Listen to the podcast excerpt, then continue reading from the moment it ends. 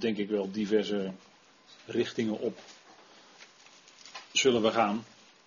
En het is goed om te zien dat uh, de Kamer inmiddels aardig gevuld is. Maar er kan nog meer bij, dus uh, schroom niet als u denkt van ik wil het toch een keer live meemaken. Dat is toch anders dan alleen maar via een mp3 horen. Als u het live wil meemaken, dan bent u van harte welkom. Dan zullen we dat vanzelf aankondigen. Maar goed, we gaan vanavond beginnen met hoofdstuk 3. En we zullen niet verder komen dan die zeven versen aan de gemeente van Sardis. En we willen graag eerst de Heer bidden en danken voordat we daarmee beginnen. Vader, wij danken u dat we opnieuw bezig mogen zijn met dat bijzondere boek, Vader, wat in onze Bijbel als laatste boek is geplaatst. De onthulling van Jezus Christus, Vader, dank u wel dat we met een boek bezig mogen zijn. Eigenlijk net zoals alle andere boeken, waarin uw zoon bekend wordt gemaakt, waarin hij onthuld wordt. Vader, we weten dat nu nog hij de verborgen is voor de wereld, maar straks zal hij geopenbaard worden en dan zullen zij hem ook zien wie hij werkelijk is. Vader, allereerst uw volk en daarna ook de volkeren zullen dat gaan erkennen. Dank u wel, Vader, dat dat hele boek draait om uw geliefde zoon, onze Heer Jezus Christus, die zichzelf totaal heeft overgegeven in de dood. En ook is opgewekt, hij is de levende. En hij zit aan uw rechter. Dank u wel, Vader, dat we hem mogen kennen als die levende Heer. En zo meer bekend mogen worden met woorden die te maken hebben met uw volk en met de volkeren. Vader, wat u gaat doen in de toekomst. Dank u wel dat we steeds duidelijker zien in deze tijd waarin we leven. Dat de voetstappen als het ware hoorbaar zijn van de Heer. En vader, we zien uit naar dat grote moment dat wij Hem zullen gaan ontmoeten in de lucht. Vader, dat zal toch een heel bijzonder moment zijn. Dank u wel dat dan al het lijden voorbij is. Dat er dan alleen nog sprake is van leven voor de leden van het lichaam van Christus. En dank u wel, Vader, dat we daarna weten en mogen ontdekken uit uw woord wat er gaat gebeuren. Dank u wel dat u ons zo vanavond daarin wilt leiden. Geef wijsheid in het spreken en in het luisteren, Vader. Mag het zijn tot opbouw en mag bovenal zijn tot lof en eer en verheerlijking van uw naam. Vader, we danken u daarvoor in de naam van uw geliefde zoon. Amen. Goed, wij uh, zijn bezig met openbaring 3 en ik wil graag eerst die versen even met u lezen. En dan gaan we dat bespreken met elkaar. En er staat, en schrijf aan de engel van de gemeente in Sardis, dit zegt hij die de zeven geesten van God heeft en de zeven sterren. Ik ken jullie werken en weet dat jullie de naam hebben dat jullie leven, maar jullie zijn dood. Wees waakzaam en versterk het overige dat dreigt te sterven, want ik heb uw werken niet vol bevonden voor God. Bedenk dan hoe u het hebt ontvangen en gehoord en houd het vast en bekeer u. En als u dan niet waakzaam bent, dan zal ik bij u komen als een dief en u zult beslist niet weten op welk uur, ik bij u zal komen. Maar u hebt ook in Sardis enkele personen die hun kleren niet bevlekt hebben. Zij zullen met mij wandelen in witte kleren, omdat zij het waard zijn. Wie overwint, zal bekleed worden met witte kleren, en ik zal zijn naam beslist niet uitwissen uit het boek van het leven, maar ik zal zijn naam beleiden voor mijn vader en voor zijn engelen. Wie oren heeft, laat hij horen wat de geest tegen de gemeenten zegt. Tot zover dit stukje uit Openbaring 3. En deze zeven gemeentes, die kennen we inmiddels. En we weten ook dat dit gemeentes zijn, Joodse christengemeentes. Eh, sommigen noemen het ook synagogen. Misschien zou je daar aan kunnen denken, maar uh, laten we ervan uitgaan dat het Joodse christengemeentes zijn. En die bevinden zich dan daar in die plaatsen in Klein-Azië in de tijd van het einde. Dat wil dus zeggen ook in de laatste jaarweek van Daniel. Dan zullen zij daar zijn. Dan is de gemeente, het lichaam van Christus, inmiddels weg van de aarde. En dan zal de Heer zelf de zijnen uit Israël gaan roepen. En dat, eh, daar, daarvoor heeft hij heel veel mogelijkheden, vergist u zich niet. En dan zal, zullen die gemeentes ontstaan, dat zijn Messiaanse Joodse gemeentes. En die zullen dan zich daar bevinden. In het verleden namelijk, bijvoorbeeld, uh, was er geen christengemeenschap of gelovigsgemeenschap in Thyatira. Uitleggers hebben zich daarover verbaasd destijds. En was ook reden om het boek Openbaring in twijfel te trekken of dat wel in de kanon van de Bijbel opgenomen moest worden. Dat was een van de. En daar hebben ze ook een aardig tijdje over gedaan voordat Openbaring werkelijk werd toegevoegd aan de kanon. Althans geaccepteerd werd door de kerk. Althans, uh, of door de gemeente, hoe moet ik het zeggen. Maar goed, daar, uh, daarover hebben we al het nodige gezegd. U kent ook dit overzicht. Dat uh, deze gemeentes ook iets te maken hebben met een stukje geschiedenis. Sardis verwijst dan naar de verwijdering van Israël uit het land. En Israël, daarmee bedoelen we dan in deze zin de tien stammen.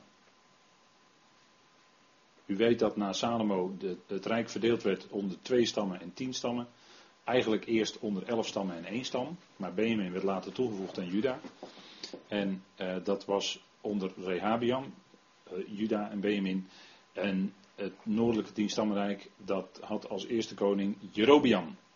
De koning uit de stam Ephraim. En Samaria gold later ook als hoofdstad van dat noordelijke tienstammenrijk. Goed, genoeg daarover. En dan gaan we even naar vers 1. De naam Sardis, dat is niet helemaal duidelijk. Dat zou misschien de rode kunnen betekenen, maar dat is verder niet duidelijk. Dus daarover valt eigenlijk niet zo heel veel te zeggen. Rood, als het is rood, dan uh, ja, rood is een koninklijke kleur. Rood is ook een, uh, wat ze dan noemen een expanderende kleur. Dat wil zeggen een kleur die naar je toe komt, die uitbreidt, die agressief is. Hoe moet je het zeggen? Groen daarentegen is veel een rustgevende kleur, meer op de achtergrond. En, uh, dan, en als je blauw en rood met elkaar mengt, dan krijg je purper. En dat is eigenlijk de koninklijke kleur. Hè? En dat is ook de kleur die bijvoorbeeld de hoge priester in zijn kleding had. En rood, scharlaken, heeft te maken met macht, met koningschap en dergelijke. dus dat uh, zouden we kunnen, zo zou je dat kunnen plaatsen. Maar goed, het is niet zeker, dus ik geef alleen maar even deze betekenissen bij, dat, bij die kleur rood. De zeven geesten van God, die zijn letterlijk en die moet u niet verwarren met die zeven boodschappers. Er wordt gesproken over, dit zegt hij die de zeven geesten van God heeft. En de zeven sterren. Dus hij heeft de zeven geesten van God. Hij is uh, de Heer Jezus Christus uiteraard. Die is altijd de spreker, hè. die is de profeet. Dit is het profetische gedeelte van openbaring. En we zien dan hier ook, en we horen de Heer hier als profeet. Hij komt in openbaring naar voren als profeet, priester en koning. Nou, hier is hij in zijn profetische gestalte. Hij spreekt tot de gemeentes. En hij heeft de zeven geesten van God. En we vinden die uitdrukking in 1 vers 4, dat nemen we er even bij. Dat hebben we al behandeld natuurlijk, maar even voor uw herinnering. Dan kunt u zien dat deze uitdrukking vaker voorkomt in het boek Openbaring. 7, daar hebben we het al over gehad, hè? getal 7. Daar is heel veel over te zeggen hoor, maar daar hebben we het alles over gehad. Dus dat laat ik nu heel even Misschien dat ik er straks nog even iets over zeg, maar uh, meer uitputtend uh, hebben we dat al een andere keer. Wat meer uitputtend, niet helemaal uitputtend uiteraard, maar wat meer hebben we een andere keer al gedaan. De zeven geesten, dat staat in 1 vers 4. Daar staat Johannes aan de zeven gemeenten die in Azië zijn. Genade zij u en vrede van hem die is, die was en die komt. Dat is dus de naam JW. Hè? Dat is ik ben. Dat is de naam JW. Die is, die was en die komt.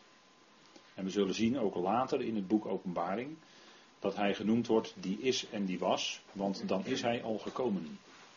Dus dan wordt hij niet meer genoemd de komende, want dan is hij al gekomen. Dus er wordt alleen nog gezegd dat hij is en was.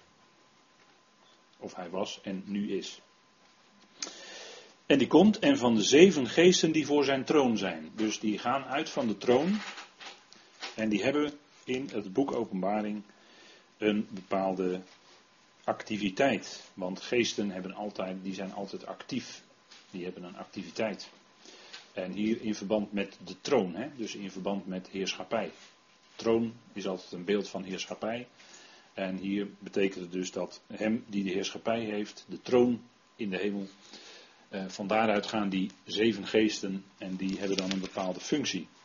We gaan even naar hoofdstuk 4, vers 5, om even daar de tekst te lezen. We zullen uiteraard, als we die mogelijkheid krijgen, hoofdstuk 4 gaan bespreken in de toekomst. Maar nu even dan vooruitlopend daarop. En dan zien we ook weer de troon. Hè? En uit de troon kwamen bliksemstralen, donderslagen en stemmen. En er stonden zeven vurige fakkels te branden voor de troon. En dan wordt er direct uitgelegd wat het is. Dit zijn de zeven geesten van God. Dus Johannes ziet in een visioen zeven vurige fakkels, maar het wordt uitgelegd wat het is. Hè. Dit is, dus dan hebben we de betekenis van dit beeld. Daar moeten we dus niet verder gaan invullen. Maar dit is, of dit zijn de zeven geesten van God. En die hebben een bepaalde functie hier. En natuurlijk bliksemslagen, donderslagen, stemmen, vuur. Hij ziet ze als vuur, dat duidt op gericht. Vuur is in de Bijbel een beeld van gericht, van loutering. Een gericht in de Bijbel is namelijk nooit eeuwig, maar is altijd tijdelijk en vaak heel kort zelfs, ter correctie. Gerichten in God, van God zijn nooit eeuwig, maar zijn altijd ter correctie, tot herstel. En dat heeft een louterende en zuiverende werking, zoals vuur dat letterlijk in de natuur ook heeft. Als u goud in vuur gaat verhitten, dan gaat u dat goud of dat zilver kan ook louteren. Dan gaat het zuiveren. En dan gaat die, wat er, wat er onzuiver in is, wordt verbrand. En dan wordt het steeds zuiverder. Dan wordt er steeds hoger gehalte, wordt steeds meer waard. Dus vuur, beeld van gericht. En die staan te branden voor de troon. Dus vanuit de troon, hè, vanuit de heerschappij van God, komt gericht. Dit is toekomst, hè? dit gebeurt allemaal, dit zijn allemaal visioenen. Wat Johannes op Patmos zag.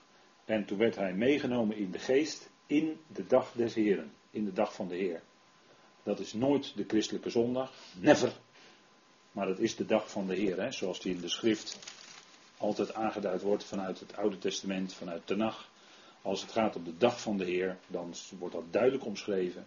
Wat er gebeurt als die dag van de Heer komt. En als die eenmaal er is, als hij gekomen is, de dag van de Heer. Dat is dus een bepaalde specifieke dag, een periode in Gods heilshandelen. En daarin zal hij regeren. Maar we zien dus hier vanuit de troon. Hè? Nou, we gaan daar uiteraard eh, in de toekomst dan, indien wij de tijd nog krijgen, gaan we daar dieper op in. En dan hoofdstuk 5, vers 6, daar zien we hetzelfde beeld eigenlijk. Althans, daar worden dezelfde troon genoemd. Hoofdstuk 5, vers 6. En ik zag en zie te midden van de troon en van de vier dieren. En te midden van de oudsten stond een lam als geslacht.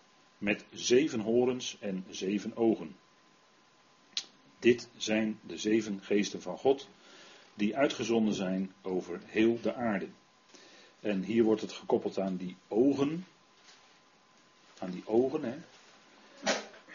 Dit zijn de zeven geesten van God. Dus dat zijn de geesten die waarnemen wat daar gebeurt in de aarde. Ogen hebben te maken met geestelijke dingen, met geestelijk zien. En ogen hebben te maken met datgene wat waargenomen wordt, wat eh, opgemerkt moet worden. En vandaar dat er ook hierbij staat, die uitgezonden zijn over heel de aarde. Dus er staat ook een tekst in het Oude Testament, ergens in Kronieken dacht ik. Of in, nee, dat weet ik niet zeker, maar de ogen van de Heer gaan uit over de gehele aarde. om te zien. En dat is uiteraard om te zien. En dan merken die ogen dingen op, uiteraard. ogen, die heb je om waar te nemen. En geestelijke ogen zijn ogen die geestelijk waarnemen. Nou, dat is een beeld, allemaal beeldspraak natuurlijk. Maar het wordt hier uitgelegd, het zijn die zeven geesten van God. Hè? Zeven geesten, dat is letterlijk. En de ogen, dat is de beeldspraak. Dus het wordt uitgelegd, hè, het beeld. Zoals vaker in openbaring. En daar moeten we ons goed aan houden. Aan die uitleg die openbaring zelf daaraan geeft. En dan wordt daar genoemd, en dan keren we even terug naar uh, eh, 3 vers 3. Er worden daar genoemd de zeven sterren. De zeven sterren.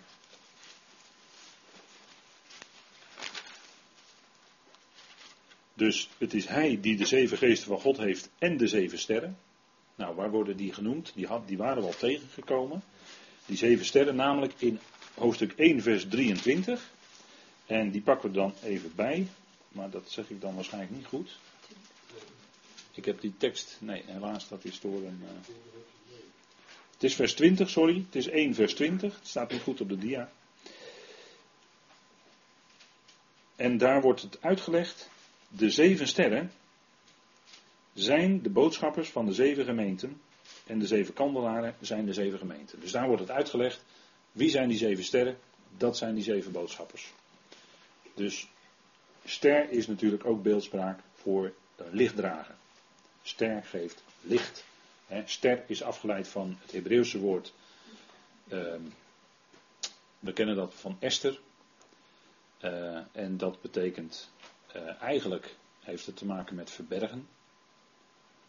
Het Hebreeuwse woord. Als ik het goed zeg, satar. En daar is de naam Esther van afgeleid. En dat betekent eigenlijk verbergen.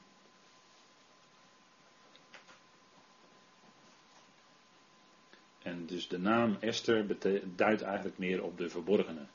En JW is dan ook de verborgene in de geschiedenis van Esther, want zijn naam wordt niet gebruikt. Ja, op een verborgen manier dus. dat, maar dat heb ik wel eens verteld. Vijf keer op een verborgen manier komt de naam JW wel in Esther voor, maar niet zo als je het leest. En vandaar dat die naam dan ook. En hij handelt wel, maar hij is de verborgene. En daarom is het boek Esther ook een, uh, geeft een uitbeelding van deze afgelopen 2000 jaar. Waarin de Heer de verborgen is. Dat had hij ook gezegd hè, in eh, Deuteronomium onder andere en in Jezaja. Dat hij zijn aangezicht voor een ogenblik zou verbergen voor zijn volk. Hij zou zijn aangezicht verbergen. En daarom is de Heer nu ook de verborgene. Men ziet hem niet, maar hij is er wel. En zijn invloed is er wel, maar wordt alleen opgemerkt door hen die daarvoor geestelijk zicht hebben. Die dat zien. Over ogen gesproken. Hè? Geestelijke ogen, als je met geestelijke ogen naar deze wereld kijkt, dan kijk je anders dan mensen naar deze wereld in het algemeen kijken.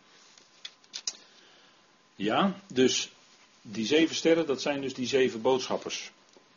Dus je moet altijd, je moet altijd in openbaring de uitleg volgen die openbaring er zelf aangeeft.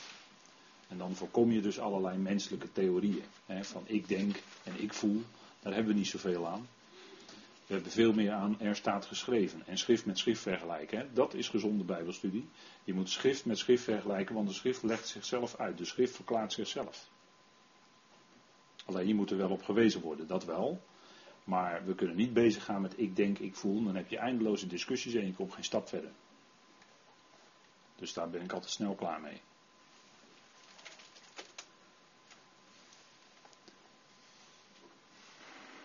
Goed, we gaan naar vers 2.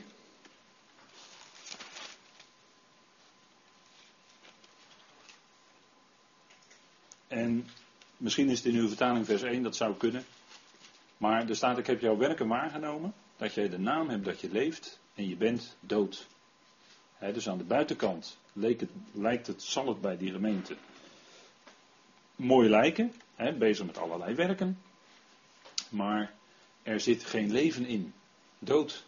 Je bent dood. Je hebt de naam dat je leeft. En dat is ook voor een deel van het christendom is dat zo. Laat ik het voorzichtig zeggen. Ze hebben de naam dat ze leven, ze hebben misschien wel veel werken, zijn misschien wel allemaal druk bezig, maar zit daar ook echt geest in? Net zoals Israël nu in het land als Joodse staat is, en men is wel bezig met allerlei dingen, zich te handhaven en militaire macht op te bouwen en noem alles maar op, maar er zit geen geest in. Zoals de profeet Ezekiel had voorzegd, hè, het is een dal van dorre doodsbeenderen. Het is een uh, dood lichaam. Hè? En daar zullen de gieren zich ook verzamelen. Dat klopt. Dat, dat is vandaag aan de hand, hè? vandaag de dag. De gieren die cirkelen rondom Israël. Ze zouden het liefst het willen uh, wegvagen van deze aardbodem. Maar de Heer zal er zelf voor zorgen dat dat niet gebeurt. Kijk, die fariseeën, daar zei de Heer van, jullie zijn wit gepleisterde graven. En hij kon dat zeggen.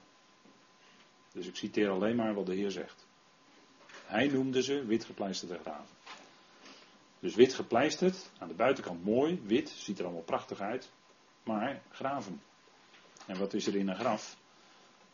Doodbeenderen. Een lijk. Sorry dat ik het even zo platweg zeg, maar dan is het wel duidelijk. Hè? En kijk, aan de buitenkant hadden ze misschien, waren ze allerlei rituelen, hadden ze allerlei dingen, deden ze allerlei dingen. Maar van binnen was het anders. En, en uh, vergelijk dat even met die bekende, bekende verhaal wat de Heer vertelt van die barmhartige Samaritaan. Dat zegt hij tegen een wetgeleerde. Maar die wetgeleerde, dat was degene die aan de kant van de weg daar dood lag te gaan. Daar zat geen leven in. En die had die Samaritaan nodig om leven te hebben, om geholpen te worden. En die Samaritaan was natuurlijk de Heer zelf. Nou, goed, genoeg daarover. Ik ga er niet dieper op in, want dat is het onderwerp niet vanavond. Maar Samaria is de hoofdstad van het tien stammenrijk. Dat zei ik er net al. Onder koning Jerobiam. En dat was iemand uit de stam Ephraim. En op zich was dat nog wel te volgen, want Ephraim had in principe het eerstgeboorterecht. Dus logisch dat dan iemand uit de stam Ephraim koning wordt over de tien stammen. Dat is wel logisch. Alleen, wat hij deed was afgoderij brengen. Het gouden kalf. Zelfs twee. In Bethel en in Dan. Moet, u, moet u het boek Koningen er maar eens op nalezen. Dat gebeurde dan allemaal. En dat bracht afgoderij binnen. En dat leidde uiteindelijk tot de dood. En dat hebben we ook gezien, hè? dat de grote zonde van Israël in de eindtijd, en dan moet ik het eigenlijk Jacob noemen, is afgoderij. Maar dat hebben we natuurlijk al gezien, hè? met de leer van Biliam. De leer van de Nicolaïten, de werken van de Nicolaïten. De vrouw Izebel, nou, dat hebben we allemaal behandeld. Hè? Het heeft allemaal te maken met die afgoderij, de aanbidding van het beest en het beeld van het beest in de eindtijd. En de eindtijd, strikt genomen, is nu nog niet de eindtijd. Maar we, gaan wel heel hard naar het einde van deze boze eon. Maar de eindtijd volgens Daniel, dat, is nog, dat gaat nog komen. En strikt genomen. En vaak zeggen christen natuurlijk, we leven in de eindtijd. Daar hebben ze misschien niet helemaal ongelijk. Maar als je puur bijbels gaat kijken, dan is die echte eindtijd pas als wij weg zijn. Als dat boek Daniel gaat ontrollen verder en als de jaarweek gaat komen. Maar goed, we, gaan daar nog verder over in. Op in. Dan 3 vers 3. Herinner je dan hoe je verkreeg en je hoorde en bewaar het en bekeer je. Hij roept ze terug in herinnering, net zoals de gemeente in Efeze. Daar werden ze teruggewezen op hun eerste liefde. Ze hadden hun eerste liefde verlaten. Dat was een terugverwijzing naar Israël. Wat aan de hand van Jehovah, van Yahweh, uitgevoerd werd uit het land. En, en daar werd het verbond gesloten. Dat wordt in de schrift gezien als een huwelijk, een huwelijksverbond. En de tijd van verkering, de tijd van, van elkaar leren kennen enzovoort. Dat was die tijd dat ze zo wordt ook beeldend over gesproken in de schrift. Hè. Leest u maar na, in Jeremia 2 bijvoorbeeld. Of in Jezaja, al uit mijn hoofd gezegd Jezaja 54. Lees het maar na. Maar het wordt gezien als een huwelijk en dan worden ze terugverwezen naar die eerste liefde, want die hadden ze verlaten. Ze waren afgegleden in afgoderij. Terwijl het eerste woord wat de Heer tegen hen zei op de Sinai was: Je zult geen andere goden voor mijn aangezicht hebben. En dat, is natuurlijk, dat houdt ook een belofte in, want dat zal, in, dat zal ook zo zijn. Dan zullen ze ook inderdaad geen andere goden meer voor zijn aangezicht hebben. Dat houdt ook een belofte in, die tien woorden. Hè. Je zult, dat staat er in de toekomende tijd in het Hebreeuws. Je zult niet en je zult, dat staat allemaal in de toekomende tijd. En dat blijkt uit de letter taf die dan gebruikt wordt. En zij werden terugverwezen naar hun eerste liefde. Dus dat eerste verbond. Maar ja, dat eerste verbond, dat werd ontbonden. Want zij hadden dat verbond verbroken. En de Heer zal hem met hen intreden straks in het nieuwe verbond. En we zullen vanavond ook lezen wanneer dat gaat gebeuren, wanneer dat ingaat. En voor ons, dat bewaren, daar moet je dan toch even aan denken. voor ons dat bewaren, zegt Paulus in 2 Timotheüs 1 vers 14, bewaar Timotheus, en dat geldt ook voor ons, bewaar wat je is toevertrouwd, het evangelie van Paulus. Evangelie van Paulus. Al die geweldige, kostbare rijkdom die we van Paulus, via Paulus hebben ontvangen. Bewaar door Heilige Geest. Het uitstekende jou toevertrouwde. Dat is een jaarthema geweest. 1984 dacht ik, 85. Maar bewaar door Heilige Geest het uitstekende wat je is toevertrouwd. En dat zouden wij doen. Er zijn gelovigen die erg graag willen horen wat zij zouden doen. Nou, dit. Dit zouden wij doen. Bewaren door Heilige Geest. Dat is, dat is echt bijbels hoor. Voor ons. En, en als je afgeweken bent en je, je bent misschien uh, beetgenomen door wettische mensen, dan, dan zou ik u aanraden om de gelaten brief te gaan bestuderen en te beluisteren. Want dan kom je wel weer thuis hoor bij de genade. Want daar hoor je ook thuis. Goed, bekeer je, zegt hij. Hè? Bekeren, dat heeft ook in veel kringen een bepaalde zware klank. Maar wat is bekeren volgens het woord, volgens het begrip? Is eigenlijk nadenken.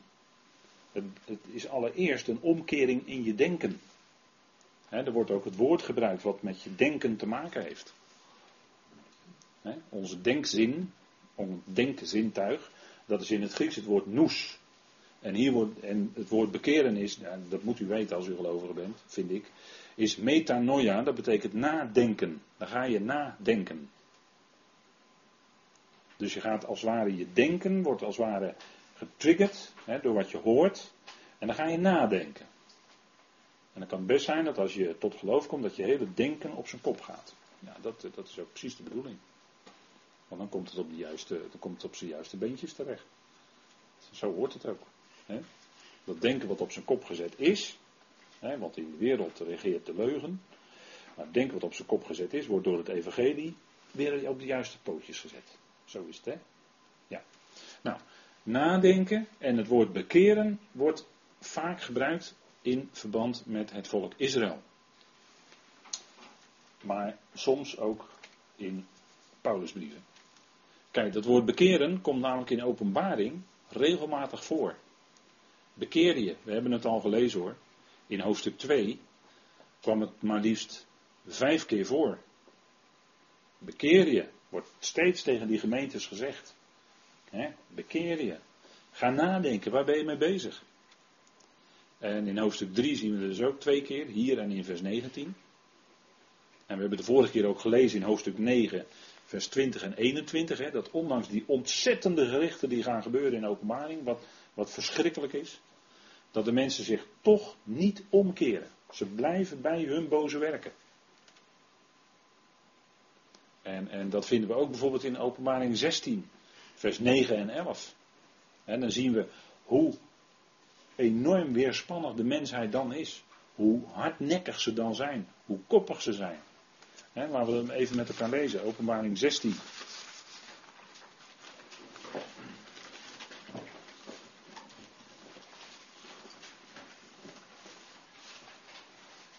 En dan zien we wat, wat de vierde boodschapper daar gaat doen. Maar goed, als het ons tijd gegeven wordt, dan gaan we dat nog allemaal zien. Dan gaan we nog allemaal met elkaar hier over nadenken, over al die dingen. En dan komt de grote hitte. En dan staat er in Openbaring 16, vers 9. En de mensen werden verzengd door grote hitte. Maar zij lasterden de naam van God, die macht heeft over deze plagen. En zij bekeerden zich niet om hem eer te geven. Ongelooflijk, hè? Ongelooflijk. Enorme hitte. En in plaats van zich op hun knieën te gaan voor God, lasteren ze zijn naam. Moet u nagaan. En dan bij het volgende, die vijfde boodschapper, die goot ook zijn schaal uit. En dan wordt, hè, dan staat er zo over de troon van het beest, en zijn koninkrijk werd verduisterd. Dus dat is duisternis alom hoor. Hè, want zijn koninkrijk is dan heel groot. En zij beten op hun tong van pijn. En zij lasterden de God van de hemel vanwege hun pijn en vanwege hun zweren. Maar zij bekeerden zich niet van hun werken. Ongelooflijk hè. Ongelooflijk. Zo hardnekkig. Zo verhard. En dan doet je toch ook denken aan de farao van Egypte. Die ondanks al die plagen niet het volk liet gaan. Maar er staat ook dat God zijn hart verhardde. Dat is ook wat Paulus betoogde in Romeinen 9. Dat God zijn hart verhardde. Want God verhardt wie hij wil. En hij ontfermt zich over wie hij wil. En als hij wil dat de farao zijn hart verhardt, dan gaat die farao zijn hart ook verharden.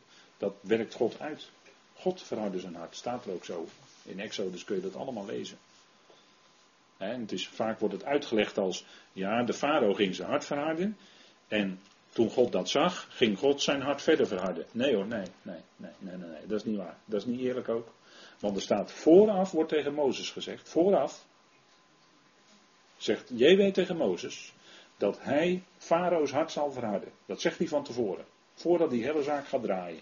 Dus mensen die dat op die manier uitleggen, is niet waar hoor, klopt niet. Je moet alles lezen wat in de Bijbel staat. Niet alleen wat in jouw straatje komt. Nee, je moet heel de schrift dan laten spreken. Nou, dat staat er ook. Vooraf, dus vooraf zegt God precies wat hij gaat doen, namelijk Farao's hart verharden. Nou, en, dat, en dus gebeurt dat ook. Anders was Farao veel te zwak geweest, dan had hij bij de eerste plaag het volk al laten gaan, maar dat was niet de bedoeling. Begrijpt u? En dat gebeurt hier eigenlijk ook. De mensen bekeren zich niet, zeggen we dan, en we vinden het ontzettend, en dat is het ook. Dat is het ook. Maar ze zijn zo verhard geworden door die inwerking van al die geesten, van die machten.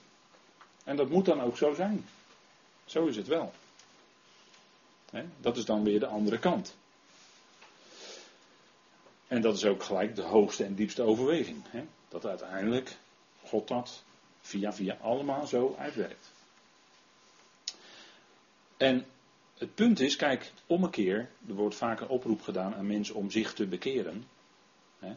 En in de kerk is dat helaas vaak dan dreigend van je moet je bekeren, want dan daarachter zit de dreiging van de hel, eeuwig. Maar kijk, in de schrift wordt ook duidelijk dat God bekering geeft. Dat, dat kan een mens niet zelf doen. Nee, als dat gebeurt, als een mens gaat nadenken en tot omkering komt, dan is dat Gods werk. Kijk maar naar Saulus van Tarsus. dat is gelijk een duidelijk voorbeeld. hij blies dreiging en moord tegen de discipelen van die weg, die van die weg waren. Hij was op weg naar Damascus met brieven van de hoge priester, om eh, die gelovigen daar gevangen te kunnen nemen. En op weg kwam hij de tegen. En de Heer draaide hem zo om. Dat was een, dat was een ommekeer hoor. En hij zette hem gelijk in zijn dienst. En dat is dus een werk van de Heer. Dat is niet, niet een werk wat iemand zelf doet.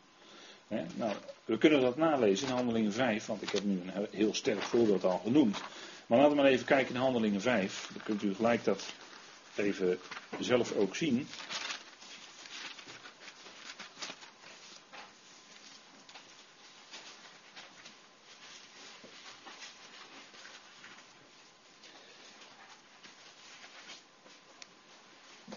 En daar zegt uh,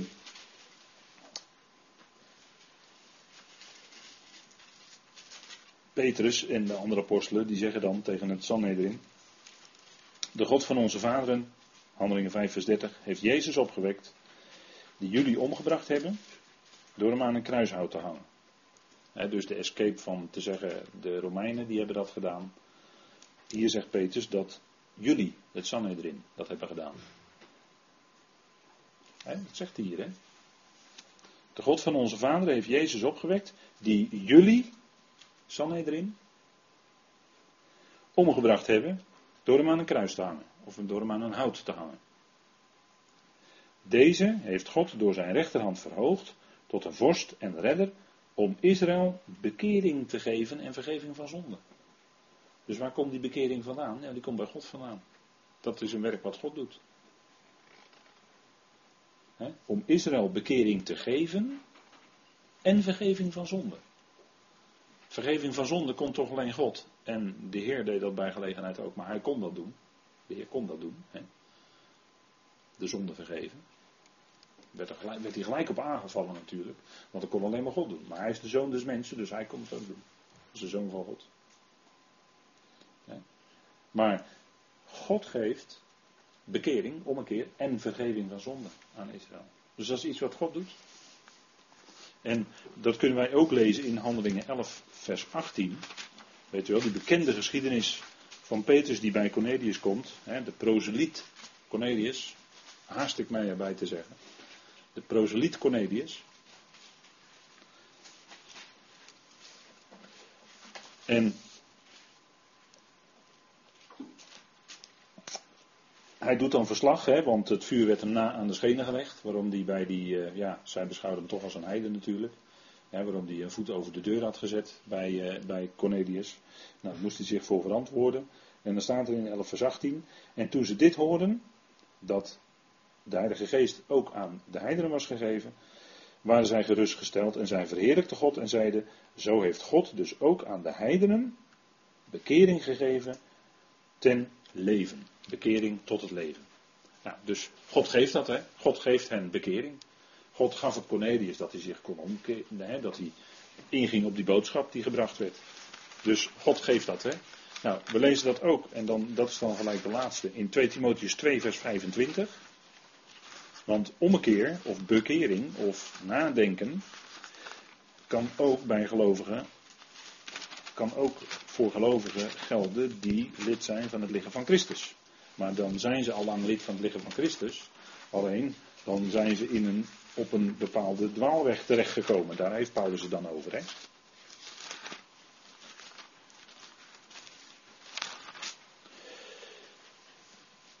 2 Timotheus 2. En daar, zien, daar lezen wij: Een slaaf van de Heer moet geen ruzie maken, maar vriendelijk zijn voor allen, bekwaam om te onderwijzen. Iemand die de kwade kan verdragen. Met zachtmoedigheid hen onderwijzend, die zich verzetten. Dus er zijn leden van het lichaam van Christus kennelijk die zich kunnen verzetten. En die zich verzetten. Dat was in Paulus dagen al zo. En dat is vandaag de dag nog niet anders. Misschien staat er dan, geeft God hun eens bekering, daar staat dat begrip metanoia, hè, nadenken, tot, om tot erkenning van de waarheid te komen. Ziet u het? Misschien geeft God het hun, dat zij. Dus dat is ook iets wat God doet, hè, dan. Maar Zolang dat niet gebeurt, zitten zij in de strik van de tegenstander. De, in de strik van de diabolos, staat er in vers 26. Opdat ze weer mogen ontwaken uit de strik van de diabolos, door wie zij levend gevangen waren, tot zijn wil. U? Dus er zijn gelovigen kennelijk die verstrikt kunnen zitten in de strikken van de diabolos. En die zich dan ook verzetten binnen het lichaam van Christus. En dan moet een slaaf van de Heer moet bekwaam zijn om te onderrichten en zulken ook verdragen. En met zachtmoedigheid onderrichten. En dat is niet altijd eenvoudig.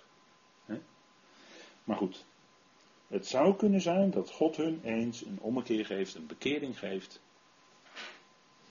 Om tot erkenning van de waarheid te komen. Want ze leven nu kennelijk in de leugen. Misschien deels, maar ze leven in de leugen. En God geven dat zij weer daaruit komen. Kan, hè? kan. Goed, we gaan naar vers, uh, verder even wat een volgende stap zetten in vers 3. En daar staat, indien je niet zou waken, zal ik komen als een dief. Zal ik komen als een dief, u begrijpt het beeld, hè, wat de Heer hier gebruikt. Hè, een dief die hoor je ook niet aankomen.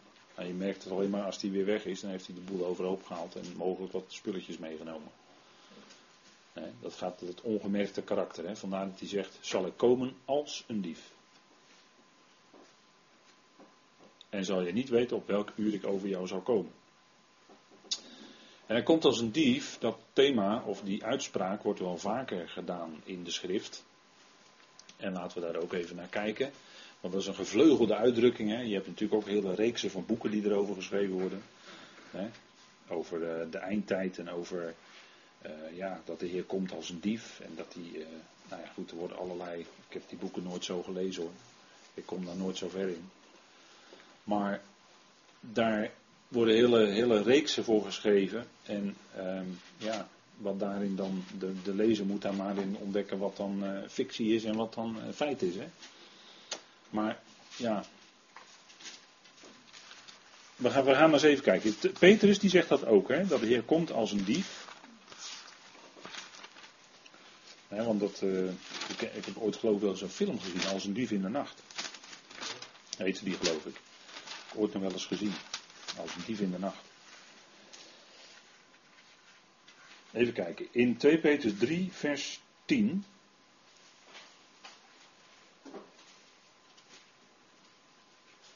Laat me even beginnen in vers 8. Dan zegt Petrus tegen de gelovigen uit de besnijdenis. Maar laat vooral dit jullie niet ontgaan, geliefden, dat één dag bij de Heer is als duizend jaar.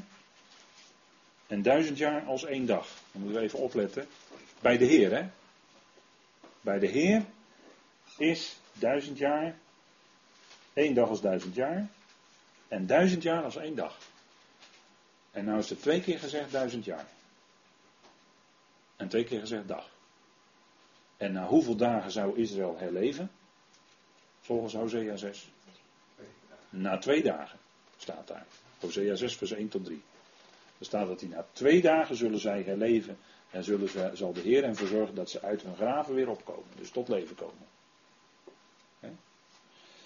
Dus 2000 jaar. En de tekst waar die uit aangehaald is. Dat is uh, Psalm 90. Daar staat nog bij als die voorbij gegaan is. Dus je moet even opletten. Want met deze tekst kun je dus niet, dat zeg ik maar gelijk bij, kun je dus niet de duizend jaar van openbaring 20 wegredeneren. Want dat wordt gedaan namelijk. Hè.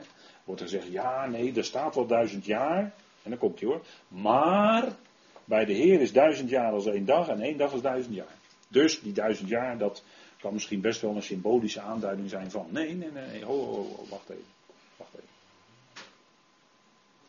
Er staat daar duizend jaar. En je moet in principe, moet je altijd uitgaan in de eerste instantie van de letterlijke betekenis van de tekst. En als je het niet letterlijk kan nemen, dan blijkt het wel uit de tekst. Maar als je het wel letterlijk kan nemen, dan is het gewoon duizend jaar. En zo staat het in openbaring 20. Voordat de duizend jaar, en er wordt gezegd nadat de duizend jaar geëindigd zijn. Wordt heel duidelijk afgekaderd dat het gaat om een periode van duizend jaren. Ja, dat kan je niet wegredeneren hoor, als theoloog zijn. Dat wordt wel gedaan, is ook gedaan, en de kerken doen dat nog steeds. Maar dat kun je niet zomaar doen hoor, ongestraft. En dan noemen ze ons Gileasten, dat weet ik allemaal wel. Wij zijn Gileasten in hun ogen. Maar die duizend jaar in openbaring 20, die staan gewoon hoor. En het merkwaardige is dat Joden die alleen de Tenach hebben en het Nieuwe Testament niet erkennen, ook spreken over een periode van duizend jaar. Letterlijk duizend jaar. En ik weet nog niet waar ze dat halen uit de Tenach, maar dat moeten ze ergens aan ontlenen. Dus geef het u maar even mee, hè, ter overweging. De Heer vertraagt de belofte niet, we gaan even verder met Petrus. Zoals sommigen dat als traagheid beschouwen, maar hij heeft geduld met ons en wil niet dat enige verloren gaan, maar dat allen tot bekering komen. Maar, en dan komt het, de dag des Heren zal komen als een dief in de nacht. En in verband met de dag des Heren moet je altijd goed opletten wat erbij gezegd wordt. Want gerichten, als er gerichten plaatsvinden of beschreven worden, dan heeft dat te maken met de komst van de dag des Heren. Dat wil dus niet zeggen dat de hele dag des Heren in de Bijbel gekenmerkt wordt door gerichten. Nee, de komst van de dag des Heren, die wordt gekenmerkt door gerichten. En dan zit je ook in openbaring, want dat gaat grotendeels over gerichten. Dus je moet heel goed onderscheiden wat echt die hele dag van de Heer is en wat allemaal gebeurt als die dag komt. En dat, dat wordt ook hier gezegd. Hè? De dag des Heren zal komen, dus hier gaat het om de komst, als een dief in de nacht. Dus ineens zal het zover zijn. Namelijk wanneer zij zullen zeggen vrede en zekerheid. Thessalonicense. Dan zal ineens het er zijn en dan zal er ook ineens een totale ineenstorting zijn. Of een totale ruïnering. Dat woord zijn, hebben we afgelopen maandag nog besproken. Thijs die weet dat, die zat erbij. Holechtros in het Grieks. Een totale ruïnering. Dat is echt een totale in het Engels wordt er dan extermination gebruikt. Een totale verwoesting duidt het, duidt het mede op. Nou, dus, en dan zullen de hemelen met gedruis voorbij gaan, de elementen brandend vergaan en de aarde en de werken daarop zullen gevonden worden. En dat gebeurt aan het eind van het duizend jaar. Begrijpt u? Dus Petrus neemt hier ineens het hele, die hele range hè, moet hij hier opschrijven van de Heer. Dus die hele dag des Heer, wat er allemaal in gaat gebeuren. Nou, komt eerst als een dief in de nacht. Wij weten dat hij met allerlei gerichten komt. De duizend jaar valt erin. En dan aan het einde zullen die hemelen en die aarde ook voorbij gaan, zullen verbranden. Zoals in openbaring ook staat. Hè? Openbaring 20, het einde. En dan krijgen we ook een nieuwe hemel en een nieuwe aarde. Dus die komt, maar eerst komt hij als een dief in de nacht. Nou, dat lezen we ook in openbaring 16 vers 15. Het is wel wat bladenwerk voor u, maar goed, u bent hier gekomen voor bijbelstudie. Dus dat betekent dat u ook wel eens even moet bladeren in uw bijbel. Openbaring 16 vers 15. Maar nergens staat die nacht bij tafel. Wat? Sorry? Als een dief, maar er staat nergens in de nacht. Als een dief, hij komt als een dief. Maar niet in de nacht. Nee, hij zou komen als een dief. Ja, oké.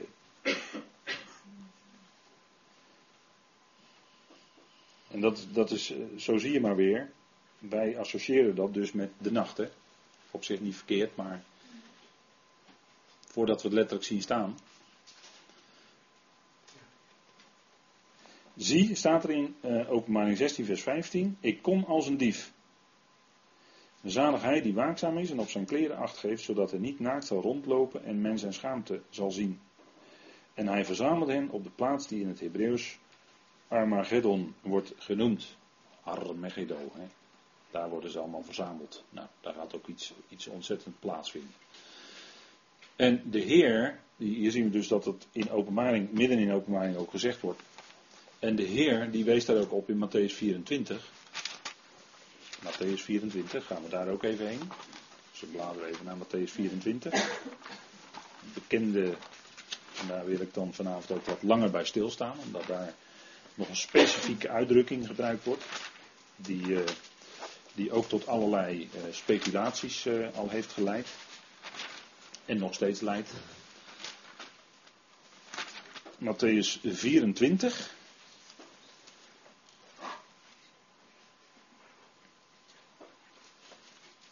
En daar wordt gesproken over dat waakzaam zijn. Waken. Wees dan waakzaam, want u weet niet op welk moment uw Heer komen zal. Matthäus 24, vers 42. En dan ook vers 44. Wees u ook daarom bereid, want op een uur waarop u het niet zou denken, zal de zoon des mensen komen. dus hij komt op een uur waarop je het niet verwacht. En ik zou ook kunnen zeggen, vers 50 bijvoorbeeld, dan zal de Heer van deze slaaf komen op een dag waarop hij, waarop hij hem niet verwacht en op een uur dat hij niet weet. Nou goed, de Heer zegt er allerlei dingen. Dus het totale onverwachte karakter hè, van die komst. En uh, in Lucas 12 wordt het ook genoemd, maar dat laat ik dan nu even liggen. Ik wil even aan iets verder inzoomen op Matthäus 24. Die uh, zogenaamde tweede bergrede die de Heer dan met zijn discipelen houdt. de eerste bergrede is uh, Matthäus 5 tot en met 7. En dit wordt dan altijd genoemd in het Engels de Second Sermon on the Mount. de tweede bergrede. En dit is ook op de Olijfberg eh, dat heeft natuurlijk wel eh, een betekenis, uiteraard. Want berg in de schrift heeft vaak te maken met een koninkrijk. Je ziet ook openbaringen. En de discipelen vragen hem dan drie dingen. En hij geeft daar antwoord op. In Matthäus 24 en 25 gespecificeerd. Gaat hij dieper op in. Geeft hij echt antwoord op die vraag. En als we kijken wat die vragen zijn, de discipelen vragen hem dat in Matthäus 24. En dan zeggen, zeg ons wanneer zullen deze dingen gebeuren. Deze dingen, hè, bijvoorbeeld uh, dat de Heer zegt, er zal geen steen op steen gelaten worden. Dus dan, daarmee duidt hij natuurlijk niet alleen de verwoesting van de tempel, maar ook op de verwoesting van Jeruzalem. En dat is niet alleen uh, de verwoesting van de tempel en van Jeruzalem in het jaar 70, toen Titus kwam. Hè de Romeinse generaal Titus die Jeruzalem verwoestte in het jaar 70. Daar duidt dit niet alleen op, dat was een voorvervulling. Maar profetie heeft altijd meerdere lagen, kent ook meerdere vervullingen. En dan zeggen we wel eens een zogenaamde voorvervulling. Uh, misschien op kleine schaal zou je dat soms kunnen noemen. Maar later komt pas de definitieve, volledige, complete vervulling van de profetie. Dat maakt het vaak moeilijk, profetie. Dat maakt het vaak moeilijk. En dat is ook hier aan de hand. Want de Heer wijst niet alleen op de verwoesting van de tempel en van Jeruzalem in het jaar 70. Kijk, de zogenaamde historische school, die wil dat namelijk wegverklaren. Hè? Die wil al die profetieën wegverklaren naar het verleden. Ze zeggen dan dat het allemaal in het verleden al gebeurd is. De historische school, dat zijn onder andere de zevende dagsadventisten. En die willen alles verklaren wat in de profetieën staat naar het verleden. Die zeggen, beweren dan dat alles in het verleden al gebeurd is. Dus die hele grote verdrukking van 3,5 jaar, die zou dan al gebeurd zijn bij Antiochus Epiphanes, hè, daar hebben we het wel eens over gehad, de vierde, die, uh, die uh, een afgod in de tempel neerzette en dat moesten ze dan aanbidden en uh, gedoe met varkens enzovoort in de tempel, allemaal akelige dingen. En dat was dan een verdrukking van 3,5 jaar, zo wordt beweerd, maar dat was het niet, het was drie jaar volgens de geschiedschrijving. Als je dan goed Flavius Josephus en bijvoorbeeld uh, en andere geschiedschrijvers op naslaat, dan divergeert men wel. Hè, er zitten wel kleine verschillen tussen, maar men komt ongeveer tot drie jaar. Maar niet tot drieënhalf jaar. En de schrift spreekt over 1260 dagen, dat is drieënhalf jaar. Dus het klopt niet. En daarmee komt die uitleg natuurlijk direct op losse schroeven te staan. Dus de historische school, die denkt wel een punt te hebben, maar hebben ze niet. Het is namelijk nog toekomst wat er gaat gebeuren. En de Heer verwijst ook in zijn toespraak, want daar vragen ze ook naar. Ze zeggen, wanneer zullen deze dingen gebeuren? Onder andere de verwoesting van Jeruzalem enzovoort. En andere dingen waar hij over gesproken heeft. En wat is het teken van uw komst? Van uw uh, aanwezigheid? En van de voleinding, niet van de wereld. Want dat is theologie. Hier hebben ze theologie in vertaald. Maar er staat de voleinding van de Aion. Dat staat er. Moet wel eerlijk blijven. Je moet gewoon vertalen wat er staat. En er staat hier Aion. Er staat hier niet wereld. Want dat veronderstelt het Griekse woord kosmos. Maar er staat Aion. En dat is niet de enige keer hoor dat ze dat hebben gedaan. En dan gaat de Heer antwoorden. En dan geeft hij eigenlijk een antwoord. Dat hele hoofdstuk 24 is uh, bijzonder, want daarin geeft hij eigenlijk toch min of meer chronologisch aan wat er dan gaat gebeuren. En dat heb ik even voor deze, op deze dia even voor u proberen aan te duiden. He, Matthäus 24, vers 4 tot en met 14. Daarom zou je kunnen, daar beschrijft de Heer in grote bewoordingen de eerste helft van de laatste jaarweek van Daniel 9 en natuurlijk, natuurlijk, dit zijn ook dingen, aspecten daarvan, hebben we ook gezien in de afgelopen 2000 jaar. Maar toch beschrijft hij dingen die vooral gaan gebeuren in die laatste jaarweek van Daniel. En als wij openbaring 6 gaan bespreken, het verbreken van de zegels, dan zullen we ook zien dat als er een zegel verbroken wordt, dan gaan er een aantal dingen gebeuren. Hè. Uh, paarden krijg je dan te zien. Hè? Je krijgt eerst de ruiter op het witte paard. En dan krijg je de ruiter op het rode paard. En dan op het zwarte paard. En dan op het vale paard. Nou, die ruiter op het witte paard. Dan wordt er vrede gesloten. Die komt overwinnend om te overwinnen, staat er dan. Dan krijg je de ruiter op het rode paard. Er wordt gezegd dat de vrede van de aarde wordt weggenomen. Dus er komt oorlog. Dan krijg je de ruiter op het zwarte paard. En wat is het gevolg meestal van oorlog? Dat er heel veel doden vallen. Dat is het zwarte paard. En honger. dan krijg je het vale paard of het groene paard. En dat gaat ook gepaard met ziektes die dan uitbreken. En dan gaan er ontzettend veel mensen omkomen. Nou, die dingen die er onder die zegels beschreven worden, met name de eerste vier, vijf zegels, die worden ook beschreven in de Heer, door de Heer in Matthäus 24, vers 4 tot en met 14. Dus die dingen kun je naast elkaar leggen. Zo moet je schrift met schrift vergelijken. Want daar, daar spreekt de Heer over dezelfde dingen als die in openbaring 6 ook beschreven staan. Dan markeert hij in vers 15 het midden van die jaarweek. Dat is, en dat hebben wij gezien met de bespreking van het boek Daniel. Wanneer dan de gruwel van de verwoesting, waarvan gesproken is door de profeet Daniel, zult zien staan op de heilige plaats, laat hij die het leest daarop letten, laten dan, zij die in Judea zijn, vluchten naar de bergen. Dat de oplichting van het beeld van het beest, dat markeert, dat is namelijk de gruwel van de verwoesting, dat markeert het midden van de laatste jaarweek van Daniel. En hoe weten we dat wanneer dat die laatste jaarweek van Daniel begint uit de schrift? Want wij maken dat op aarde niet mee. Maar hoe weten we dat die begint? Dat is als dat verbond met velen geratificeerd wordt voor, en dat zal dan uh, in principe uh, het begin inluiden van die laatste zevener, van die laatste jaarweek van Daniel. Dus het ratificeren van het verbond met velen is het begin van die zeven jaar. En let u op dat er niet staat dat het een zevenjarig verbond is. Dat wordt altijd wel gezegd, maar dat is niet zo. Dat staat er ook niet. Het sluiten van het verbond markeert het begin van die laatste jaarweek.